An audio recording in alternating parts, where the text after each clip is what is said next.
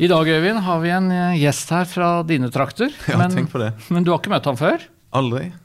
Asle Toje, veldig hyggelig å ha deg her. Ja, takk, det var gildt. Indre Agder-gutt, vet du. Det er ikke småtteri. Og, og med det så ønsker vi velkommen til en ny episode i podkasten Ottosen og generalen.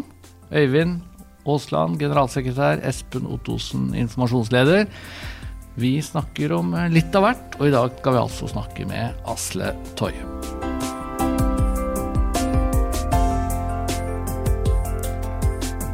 Ja, nå er vi tre stykker i studio. Sist, Øyvind, så satt du her helt aleine. Jeg satt Ja. på hjemmekontor. Men det Elendige greier, altså. Ja, du syns det? Ja, jeg synes, det er bare fordi jeg syns det er så kjedelig. Ja. Men det gikk jo greit sånn teknisk, og ble jo, gikk jo an å høre og se. Så vi er fornøyd med det. Og så er det flott å få en gjest. Asle Toivi vi skal presentere deg litt uh, skikkelig etter hvert. Men det er jo naturlig å bare starte med fotball. Vi pleier å sjekke om gjestene våre er interessert. Jeg hadde håpet at du ikke skulle trekke opp fotball akkurat nå. Fordi du er helt uinteressert, eller fordi du har feil lag for tiden? Begge deler. Oh. Nei, jeg eh, er eh, for, for mine synders skyld så er jeg Liverpool-fan. Så vi har hatt en veldig, veldig tøff vinter. Ja. Da er jo generalen litt mer kjepphøy for tiden. Ja, kjeppe Ja, jeg, jeg var jo det for noen år siden. Men, men eh, jeg, det er jo Manchester United på meg, da. Helt fra midten av 70-tallet, faktisk. Når jeg fikk min første lille fotballskjorte. Da var det gjort. Ja. Og med, det ble jo seier mot Newcastle da, i, på søndag, så det Ja, Flott kamp. det var det. Og det er jo laget som jeg da eh, heier på, er kanskje å dra det langt, da. Men jeg har visse sympatier i den retning, for jeg har en sønn som er veldig Newcastle-fan. Og som jo har opplevd såpass mye tungt i livet pga. det, at far stiller opp med litt sympati, i det minste. Sympatistøtte. Ja, nei, det er fint, det. Men sist vi snakka sammen, eh, så eh, skulle det være kamp på kvelden, Øyvind. Og, og da kan vi vel slå fast at dine profetiske evner er noe begrenset. For du, du satset på seier, men sånn gikk det ikke. Nei, det gjorde ikke det, gitt. Men det burde jo blitt. Altså, Sheffield United lå jo rock bottom og hadde ikke vunnet en eneste kamp. Men det sørga Manchester United for at de gjorde, og vant 2-1. Det var en begredelig kamp. Og Sånn har det jo vært litt i Solskjær-tida. da, At det er noen store, flotte prestasjoner, og så er bunnivået veldig veldig lavt. Mye surr i forsvar, vet du. Og svenske i midtforsvaret, det kan jo ikke gå godt. Men Liverpool har jo blitt sånn som eh, dere vet I skrekkfilmer så er det jo så, så er det jo alltid slik at massemorderen som har vært en, en, en drapsmaskin fram til siste scene, men i siste scene skal han liksom ta, ta livet av helten, og da, da viser det seg at han to, totalt mangler koordinasjon og ikke får det til i det hele tatt. Og sånn er nå Liverpool foran mål. Dessverre. Det ser jo ikke ut som at de kunne skåret om det sto om livet. Laget ellers er ganske greit, faktisk, eh, men eh, målskåringen har bare uteblitt. Ja. Ser ut som en gjeng zombier, så en kommentar. Ja, men de har bare mistet helt gnisten, og det er så vondt å se. Men du har jo bodd i England i, i mange år. Jeg. Eh, Betyr det at du gikk på fotballkamper der? Dro til Liverpool og så? Eh, Ja, jeg hadde en lillesøster som studerte i Liverpool, så jeg var og, var og så Liverpool der. Men eh, min hjemby i England, Cambridge, har jo også et fotballag, men der gikk ikke studentene på hjemmekamp, for der får vi bank. eh, fordi dette er et lag som tilhører arbeiderklassen. Cambridge er jo også en industriby. Og hvis du går i nærheten av stadion på kampdag, så står det plakater ute at, eh, at studenter ikke er velkomne på pubene. Det er jo en veldig interessant eh, kultur, da. Ja, det er jo det, men det er Tradisjoner og ting som De kaller det town and gown. Det er, dette går tilbake, helt tilbake til, middel, til middelalderen, der collegene ikke fikk lov til å etablere seg innenfor bymurene. For folk, byfolket ville ikke ha universitetet innenfor bymurene i det hele tatt, så de måtte holde seg utenfor. Og helt siden middelalderen så har det vært store konfrontasjoner mellom byfolket og studentene. Og det manifesterer seg nå i at studentene ikke bør gå på fotballkamp, for der kommer bygutta. Ja, det er interessant. Men du fikk din doktorgrad du, i Cambridge, var det ikke sånn? Jeg gjorde det. Jeg skrev Ja. doktoravhandling om eh, Amerikas påvirkning på EUs felles utenriks- og sikkerhetspolitikk. Det er litt av et tema, Espen. Hæ? Doktorgrad i statsvitenskap, Stemmer? med andre ord. Men du, jeg har jo lest din siste bok. Den uh, burde jeg hatt med å vise fram. Jeg syns det. Ja, Den er, det er så fin cover på den. En, en, en, sånn, eh, en liten håpefull gutt som står foran en ruin. ja. For veldig mye handler jo om ruiner i den boka, og så heter den Gullbrikkespillet. Den heter det. Og så er den en del av en trilogi. Kan du ikke si på en måte kort hva slags eh, bokserie er dette? Eh, Det er eh, en serie med reiseskildringer fra Europa i perioden 2010 til 2020. Eh, Ved inngangen av tiåret så hadde jeg på følelsen av at vi kom til å oppleve et hamskifte. Og det har vi gjort. Eh, Og det hamskiftet har vært smertefullt for mye av Europa. Har gitt seg uttrykk i mye politisk ustabilitet. Økonomisk så ser vi at, det har blitt stor spredning med mange rike og mange fattige. Eh, Og teknologien eh, har, har gjort veldig mange gamle løsninger at det ikke fungerer, ganske enkelt. Og, og jeg startet med en bok som het 'Rødt, hvitt og blått', som skulle ta tempen på det europeiske demokratiet. Gikk videre til jernburet, der jeg hevdet at den krisen vi er inne i, er en ideologisk krise. At det er mappkartet som ikke stemmer på terrenget. Og i gullbrikkespillet så forsøker jeg å se fremover. Og forsøker gjennom tittelen og gjennom fortellingene at det ligger en framtid der ute. Og også eh, forhåpentligvis en, en vakker, grønn og, og, og levelig framtid for oss mennesker. Og at ruinene i Europa kan kanskje være et sted å starte når vi skal lete igjennom hva er det vi ønsker å beholde fra det vi har lært, og hva er det som må endre seg i den nye tid. Men det er en litt dyster bok, eller dyster bokserie. Slik, eh, du er ikke sånn veldig optimistisk, i hvert fall sånn fullt og helt, på Er Europas eh, vegne. Eh, Protestanter er jo ikke kjent for å være veldig, være veldig optimistiske. Eh, så jeg, jeg tror at jeg jeg er av den oppfatning av at hvis man skal kunne gjøre noe med et problem, så må man erkjenne det i all sin gru. Det kommer, er ingen nytte i å forsøke å skjønne med alle virkeligheten. Så jeg forsøker å være helt ærlig om de utfordringene vi står overfor, og hvordan dette oppleves. Jeg er av den gruppen forskere som mener at de store trendene, de sto, den skjebne vi ikke kan unnslippe, eh, merkes først på bunnen av samfunnet. Eh, og eh, Derfor så har jeg brukt mye tid med å snakke med vanlige mennesker rundt omkring i Europa. Eh, Vår Herre ga oss én munn og to ører, kanskje som en indikator på at vi skal lytte dobbelt så mye som det vi snakker. Eh, og det har vært fantastisk å møte eh, mennesker fra helt ulike sektorer og som lever helt ulike liv, eh, og snakke med dem om hvordan deres liv oppleves. Du, um, vi nevnte jo innlednings... Vi snakker jo litt mer om de her tinga sånn eh, etter hvert. Ja. Men, eh, men det er jo veldig viktig å snakke litt Agder, da, er det ikke det? Vi må jo det. Du høres jo ikke ut Du, du har Din dialekt er jo enda litt mer sånn avslepende enn min, da. Men det, det er Byremo som var der du trådte dine barnesko i noen år? Jeg, jeg, eh, jeg, jeg vokste opp i, i Audnedal på Byremo. Eh, og er veldig veldig stolt av det. Det var et fantastisk sted å vokse opp. For der var eh, Faren min var kommunelege, og jeg er født på Kristiansand sentralsykehus. eh, så nå er det vel bare skarre-r-en og kristentroen som henger igjen. Men det er jo to viktige, svært viktige ting, da. Jeg syns det. Ja. Men altså litt jaktinteresse, og du har litt sånn kultur med deg fra Indre Agder òg? Ja, jeg er, kona sier jo det at jeg ikke passer til å bo i Oslo, for jeg liker store biler, jeg liker jakt, eh, og, og jeg liker bedehuset.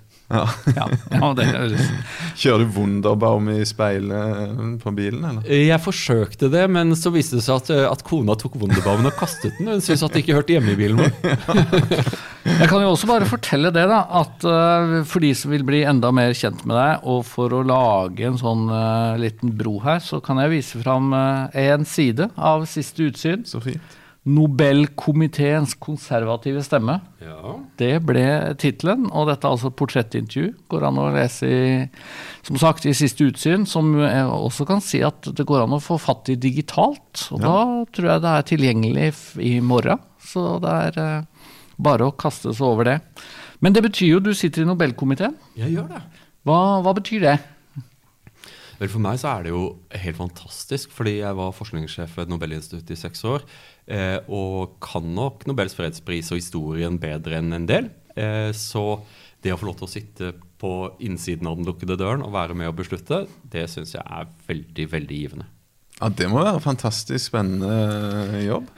Det er det, og så er det noe, eh, noe av det aller fineste med Norge, er jo det at eh, komiteen er bredt politisk sammensatt. Folk kommer fra ulike, ulike leire. Eh, og så skal vi fatte en beslutning. Og så viser det seg da at denne veldig norske eh, og beste av det norske, der vi lytter til hverandre, tar hverandre på alvor eh, og, og tar den tiden vi trenger til å enes. Det fungerer faktisk. Det er helt utrolig, men det fungerer faktisk. Dette er tidkrevende, men det er også litt sånn fint når vi endelig kommer fram til en beslutning. Når alt blir der over, og så ender det ofte opp med at du ser på vinneren som din egen, selv om du har argumentert mot han eller henne eller det i, i, i, i ukene som har gått Ah, ja. forut. Men må dere være enige? Ja, det må Ja, vi. Eh, det er slik det fungerer. Eh, komiteen, Du trenger ikke helhjertet å støtte, eh, men eh, i praksis så betyr det hvis du får en kandidat du ikke kan, le kan leve med, eh, og det, det skjedde, har jo skjedd ved et par anledninger, i forhold til Yasser Arafat sist gang. Ja, stemmer. Mm. Da gikk jo prestehuset ut. Var det prestehus? Nei, Kåre Kristiansen. Kåre Kristiansen var det. Mm. Kåre Kristiansen gikk ut da. Ja. Eh, og eh, da må du gå, hvis du ikke kan Ja. leve med det. Men det er jo mye diskusjon for Du må jo da arbeide hardt for å få andre til å innse hvorfor denne kandidaten er en dårlig kandidat. Mm. Så det handler jo også om overbevisnings- og talegaver. Da. Så det er, jo- det er jo gøy å være med på. Men nå har vi fortalt eh, lyttere og seere at du altså sitter i Nobelkomiteen, at du har en doktorgrad i statsvitenskap fra eh, Cambridge, eh, at du har skrevet en boktrilogi. Liverpool-supporter. Liverpool-supporter. Vi begynner å bli litt kjent med deg, men jeg syns det er et ord du sjøl bruker i siste bok som er ganske interessant. For der skriver du at du er en del av prekariatet. Det tror jeg et ord mange ikke kjenner. Hva betyr det å være en del av prekariatet? Nå skjærer du rett inn i det som er det sentrale i denne boka. Eh, Mm. Jeg forsøker å vise og fortelle leserne at den økonomiske strukturen i Europa har endret seg i løpet av det siste tiåret. Den gamle skillen mellom, skillen mellom arbeid og kapital, som er som vi vanligvis ser i politikken, eh, kapitalen er blå, arbeidet er rødt, har, har eh, blitt endret i en helt ny klassestruktur.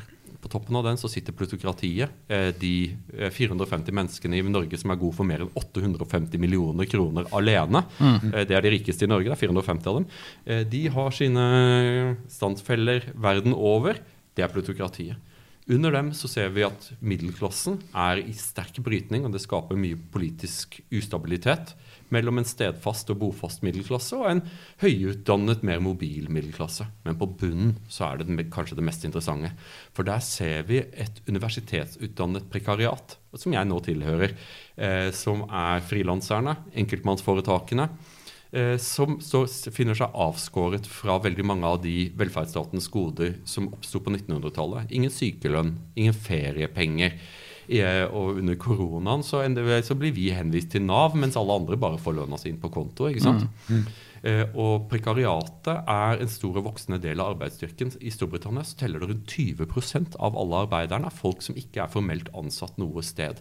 Og denne gruppen eh, anser seg nok for å være middelklasse, for det var mamma og pappa, og de har jo eh, i stor grad universitetsutdannelse, men når du ser på lønningsposen, så er det helt klart arbeiderklasse. Og denne gruppen står da i et lite eh, harmonisk forhold til den store nye gruppen av arbeidsinnvandrere som vi finner i alle land.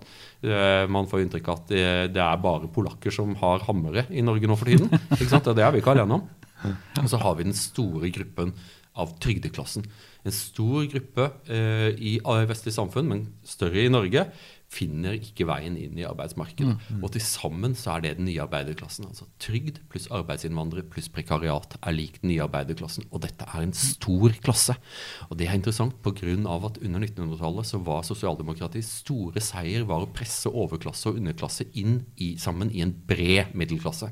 Denne brede middelklassen har nå, har nå har splittet seg opp, og man har en ny, stor arbeiderklasse som eksisterer i praksis, men ikke for seg selv. Folk som er i arbeiderklassen, anser seg selv i liten grad for å være i arbeiderklassen. Og dette er litt av den analysen du har vært både på TV og radio med når det gjelder også Trump og USA, for du var jo ganske mye i mediene og analyserte det. Og, og prøvde å si litt, hvis jeg forsto deg rett, da, at, at en av grunnene til at Trump faktisk fikk så mye støtte som han gjorde, det var at han klarte å kommunisere da, med den gruppen som føler at eh, ja, eh, situasjonen deres, hverdagen deres er blitt rett og slett mye verre. Det er helt riktig, og jeg tror at eh, man, skal seg, skal, man skal være forsiktig med å gå fra det at man anser Trump for å være en illegitim president, til å tro at de kreftene som førte han til makten, er illegitime. For det er det ikke.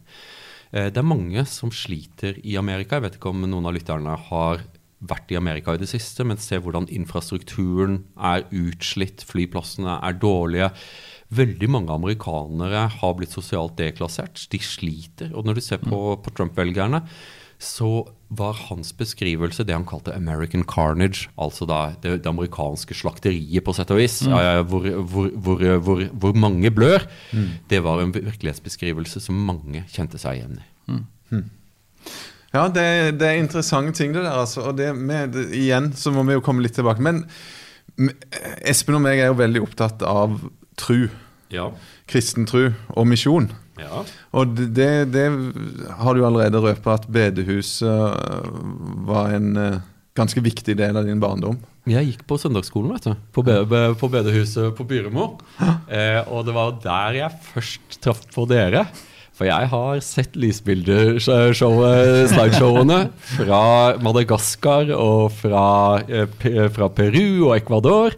Det var noe det var en del av min barndomsverden, og det var den første gang jeg egentlig liksom møtte verden. Og det, den triste innsikt at det er mange der ute som mangler det aller mest elementære.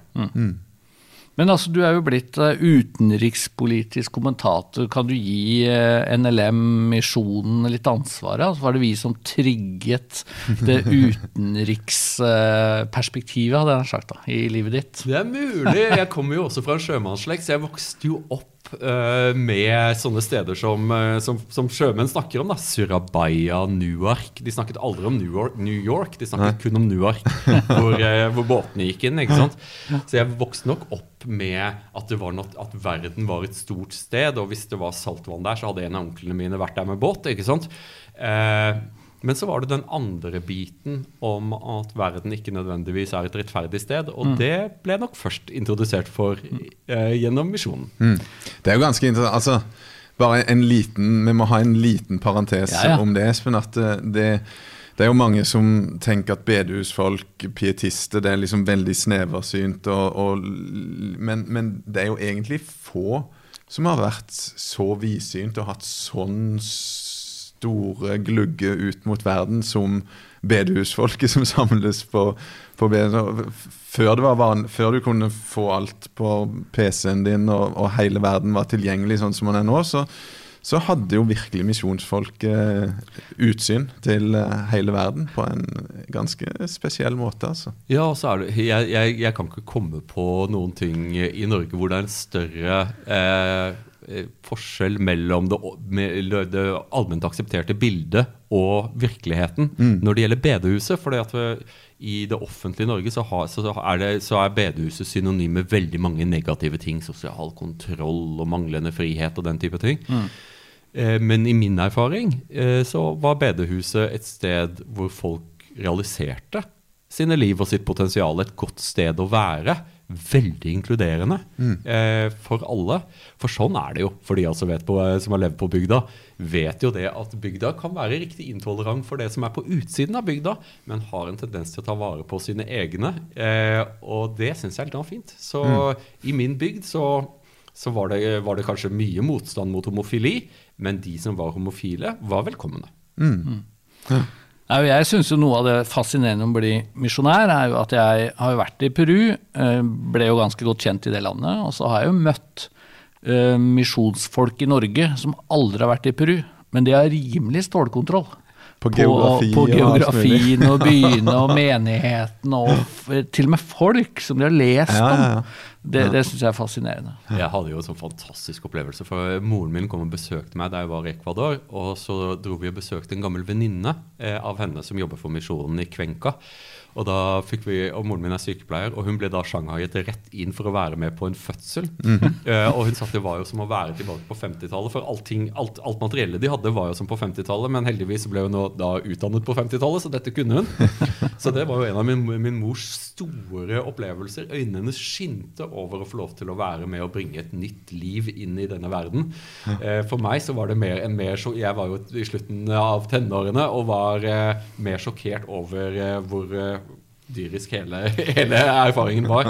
Nå har jeg vært med på fødselen på, av tre mine egne barn, så jeg har litt sterkere mage nå, da. Men altså, du hadde jo et godt møte da med bedehuset på Byremo. Ja. Men så meldte du deg ut av statskirken 18 år gammel. Jeg gjorde det. Hva Eh, skjedde?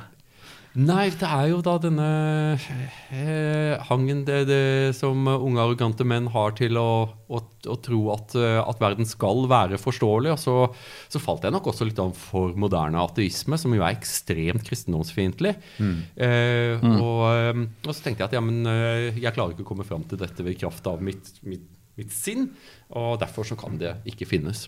Men så hadde jeg en sånn skjellsettende opplevelse. Skal jeg snakke litt om det? eller? Ja, fordi at uh, altså Du meldte deg ut av statskirken som 18-åring. Ikke noe anstrengt forhold da, egentlig til kristendom og den slags, men du trodde bare ikke på dette. Nettopp. Og så endra det seg fem år seinere. Fem år senere, jeg hadde en stor uh, fjellklatringsulykke. Jeg var en forferdelig dårlig student. Eh, begynte på universitetet, var, var knapp på forelesninger. Allting jeg drev på med, var sport og idrett. Fjellsport. ikke sant? Og så endte jeg opp med, på vinterklatring oppe i Tromsø å falle 180 meter fra toppen av et fjell ned i dalen. Ops. Eh, eh, og eh, det var, det var brutalt. Jeg knakk ryggen, tre brudd i hodet, begge, åpne brudd i begge ankler. Eh, brakk sternum, det store beinet i brystkassa. Oi, oi, oi. Eh, åtte ribbein gikk. Ett år på sykehus eh, og opptrening.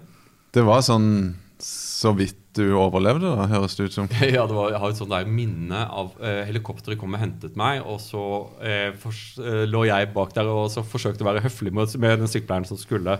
Så jeg beklaget jo at de måtte ut og fly i så vanskelig vær på kvelden. Eh, og, så, er det et sånt øyeblikk der plutselig at eh, han, han snakker ikke lenger til meg, og jeg vet ikke engang om jeg sier dette, eller om det er bare noe jeg tenker, men han snur seg mot piloten og sier nå må du, jeg er i ferd med å miste han, nå må du fly fortere. Og da Ja. eh, kom jeg i grevens tid til eh, sykehuset i Tromsø, og de reddet livet mitt. Og derfra så dro du etter hvert tilbake til studier i Tyskland. Nettopp. Og så var det en dag at jeg var ute og spaserte i Hamburg, og så så jeg at uh, Matteuspersonen til Bach var blitt satt opp i katedralen der. Og så fikk jeg en innskytelse om at ja, men det vil jeg få med meg. Jeg er glad i musikk. Dette er jo et av de store kirkeverkene. Det er jo fem timer lang konsert med tre kor. Omtrent midtveis mens jeg satt der på kirkebenken i Hamburg, så dalte en stille eh, og ikke veldig eh, eh, utbasunert erkjennelse ned i meg. Eh, og jeg oppdaget at jeg var blitt troende. Og for meg så er kristentroen noe av det aller viktigste i livet mitt. Eh, men dette er ikke en, en, eh, en tro som roper fra, fra, ta, fra hustakene. Dette er en, en trygg tro som, eh, som sitter i mitt hjerte. Og kanskje det er litt sånn som i dette berømte bildet i Det sistinske kapell, der du har Vår Herre og Adam og fingrene som møtes. ikke sant? Og, og det er jo slik vi protestanter tror det, at, at du må ta et skritt og være åpen, og så, eh, så kan man håpe at Gud rører vårt hjerte, og det opplever jeg at skjedde med meg. Det er fint å høre, altså. Men du, du, du, du hadde ikke fått noe sånn helt sånn klar intellektuell avklaring og liksom gudsbevis og sånne ting? Var det mer sånn følelsesmessig det skjedde der og da, eller hvordan vil du beskrive det? Jeg tror at eh, det er ofte vanskeligere for intellektuelle å komme til tro, pga. at intellektuelle en, eh, tenker med hodet og ikke med hjertet, og tro handler mye om hjertet. Tro handler mye om det som ikke kan vites, men som må senses og som må føles. Og det er mye der ute.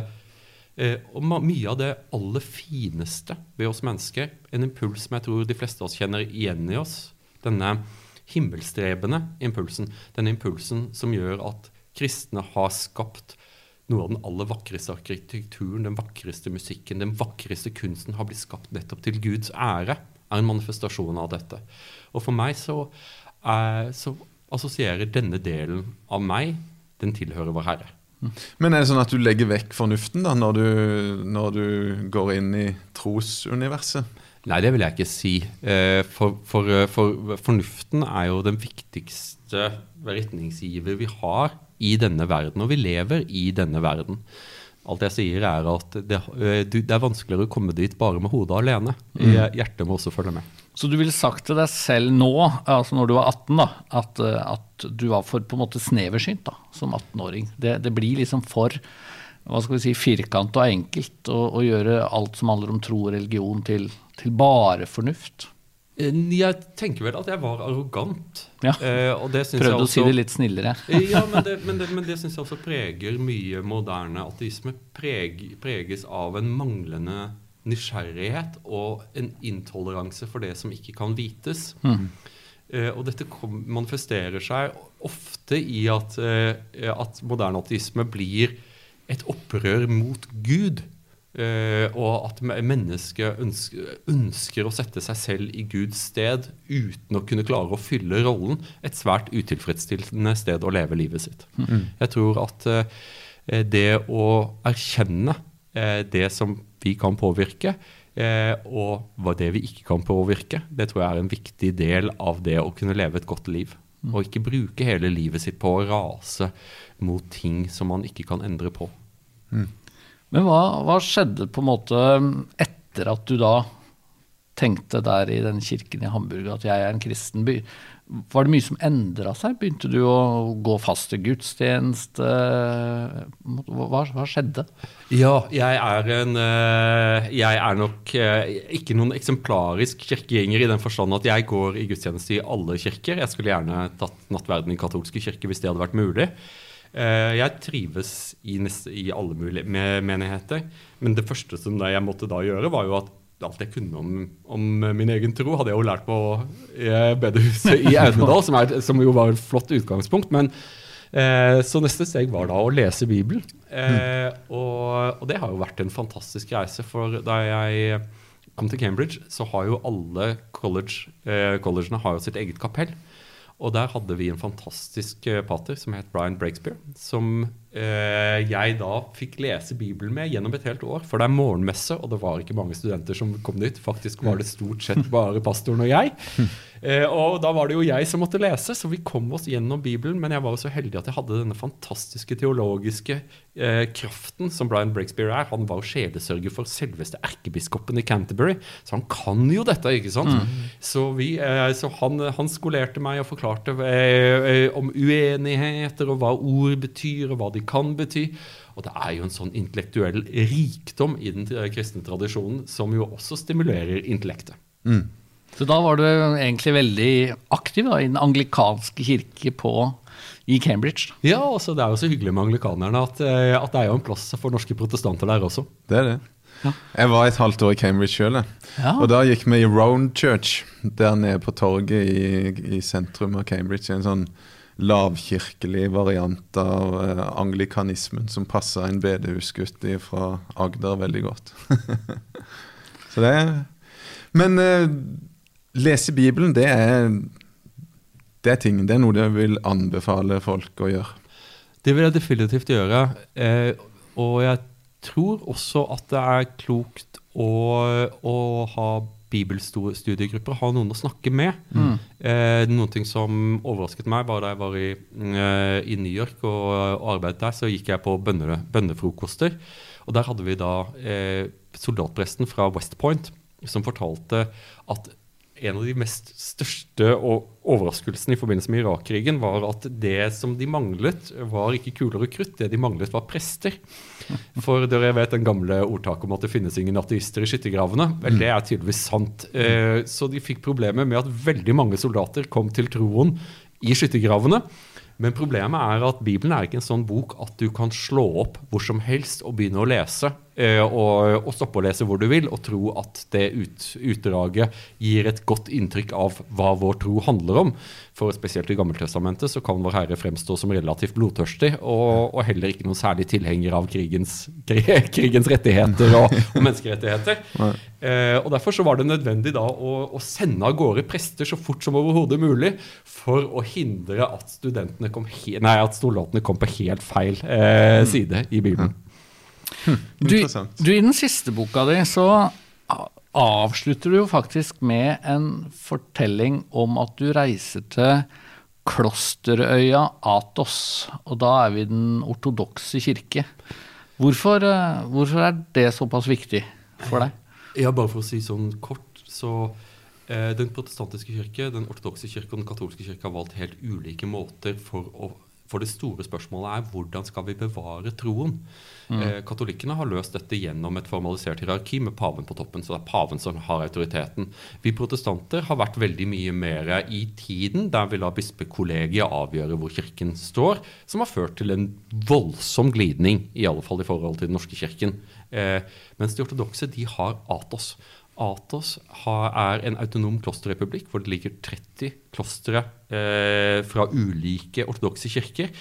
Eh, den russiske, bulgarske, greske, serbiske etc.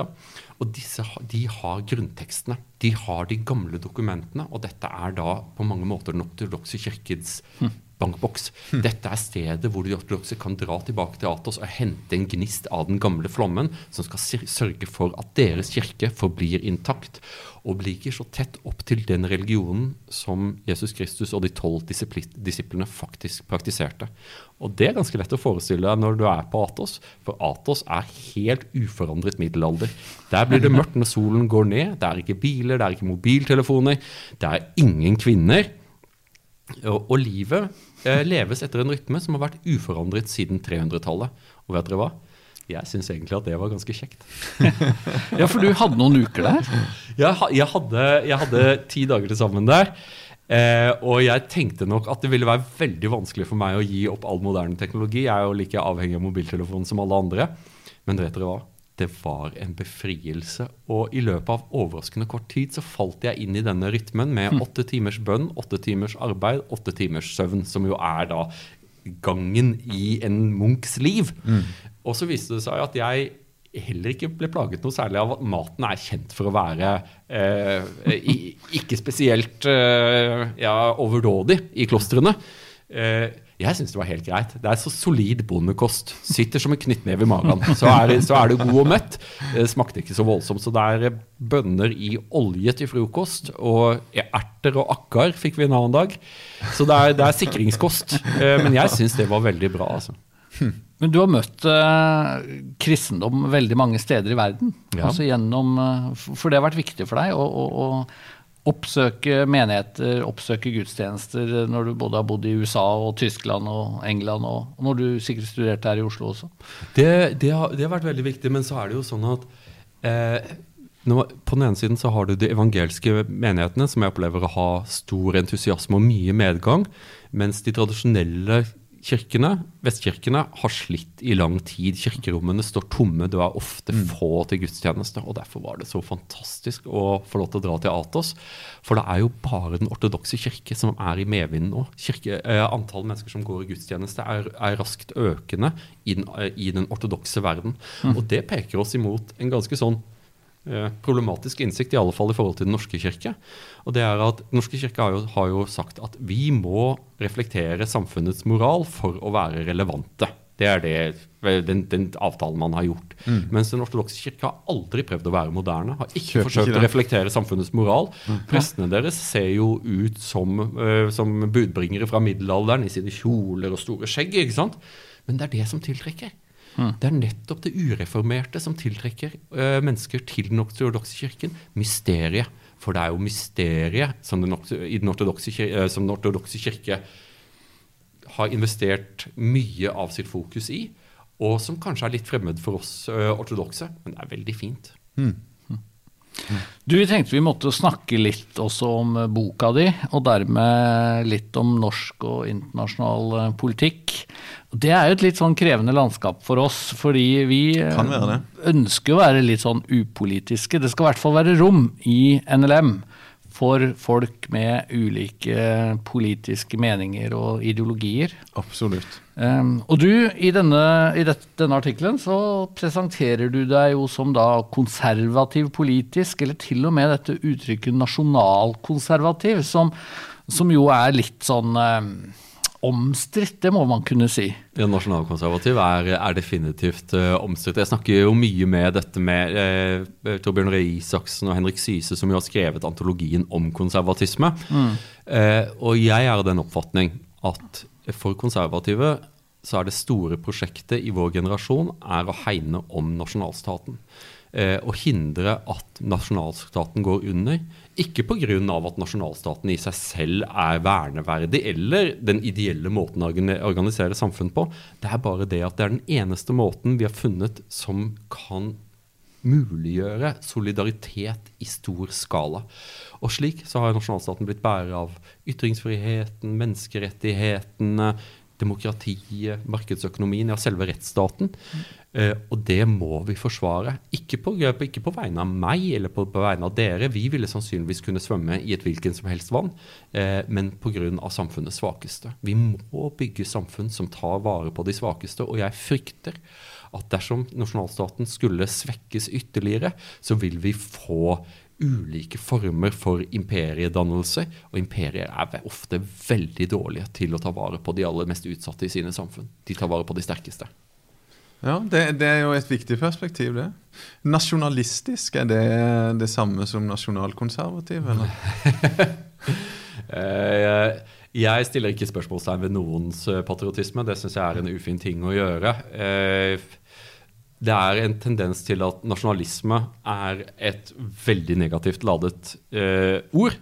Tenker liksom på Le Pen og det, litt forskjellig. Uh, og uh, det er, med en gang så får man litt sånn, lyst til å ikke være definert som nasjonalist, samtidig som at vi er jo nasjonalister alle sammen. Er alle som feirer 17. mai, er nasjonalister. Dette er en nasjonalistisk helligdag. Mm. Eh, og nordmenn er jo noen av de mest flaggveivende, stolte, kongedyrkende menneskene i verden.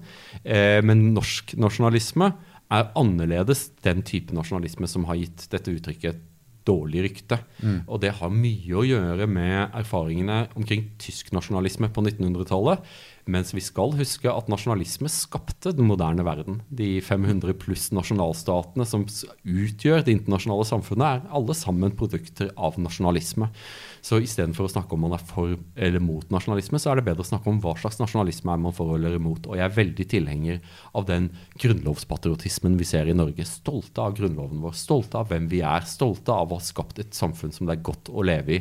Og jeg tror at mange land kunne ha godt av å lære litt av den norske samfunnskontrakten. Det gjør jeg.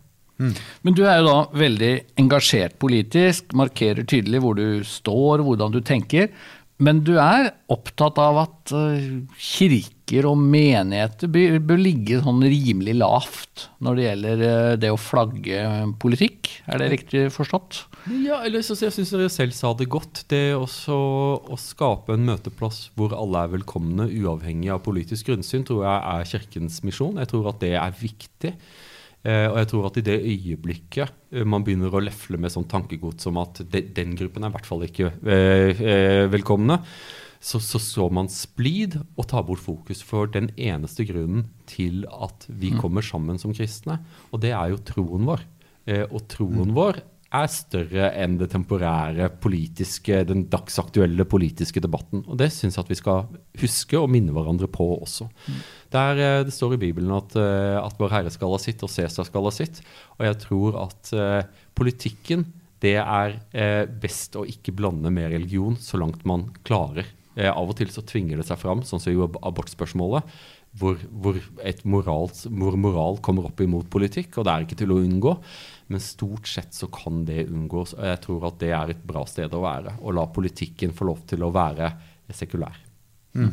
Du, eh, sunn nasjonalisme det, det, er, det, er jo, jeg tror det er jo en del av de nasjonalistene som er superskeptiske til alle sånne store ja, FN, f.eks., og, og sånne ting. Hva, hva tenker du om det? Hvordan Ser du på FN som noe som vi bør fjerne og slutte å finansiere, og heller satse på de små enhetene i verden? Nei, så visst ikke. Eh, hvis verdensorganisasjonen ikke fantes, så måtte vi oppfunnet den veldig kvikt. FN gjør mye godt arbeid. Eh, uheldigvis så er, vil jo alltid fokus trekkes mot de tingene som ikke går så bra.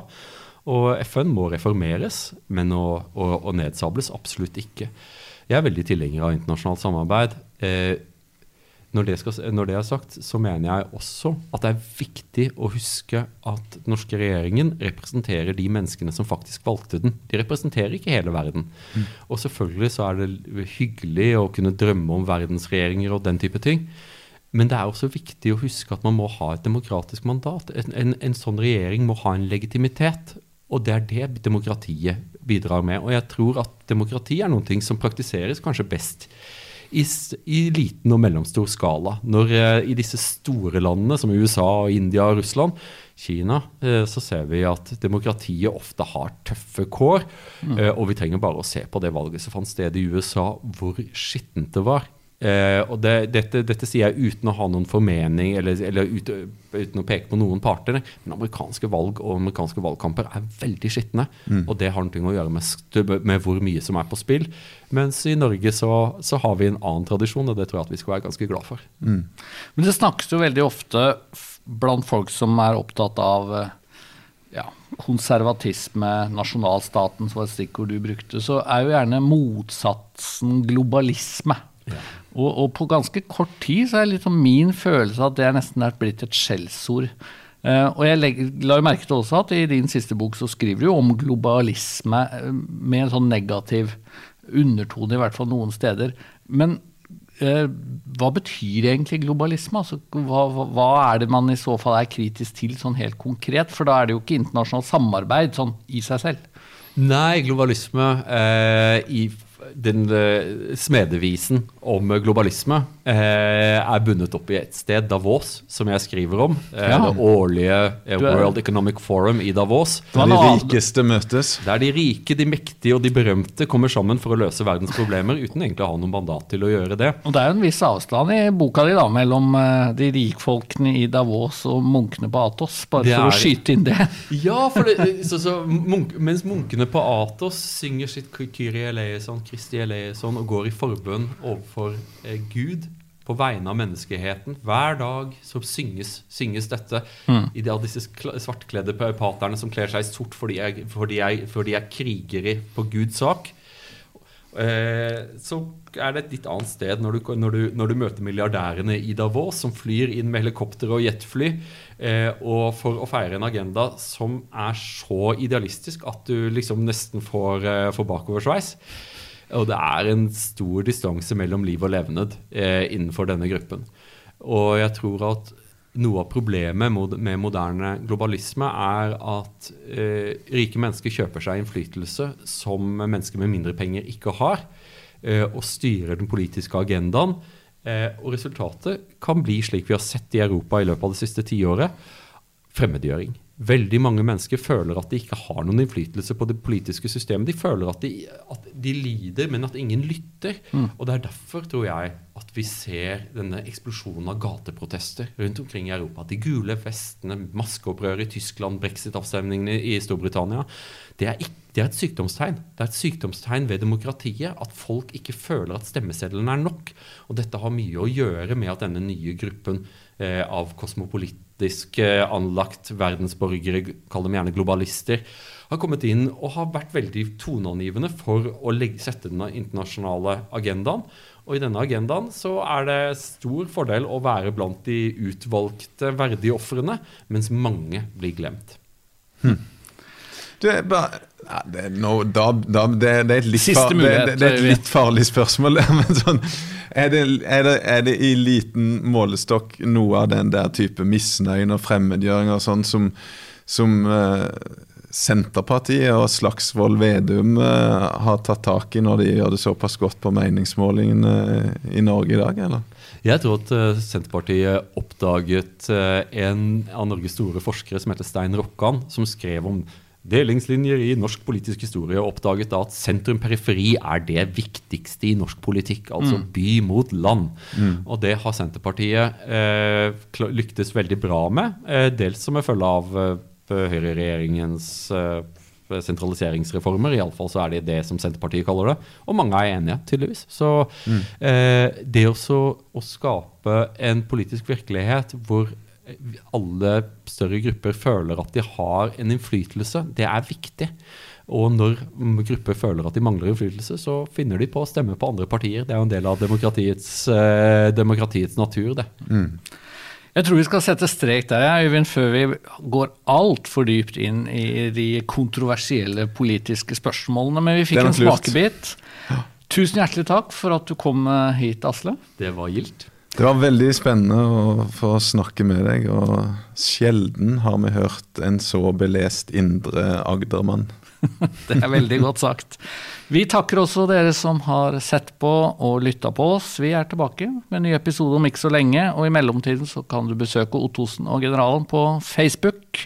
Og du kan gå innom nlm.no podkast for å abonnere på podkasten hvis du ønsker det, og også se videopodden som er lagt ut der. Ha en flott dag. Ha det godt. Ha det godt.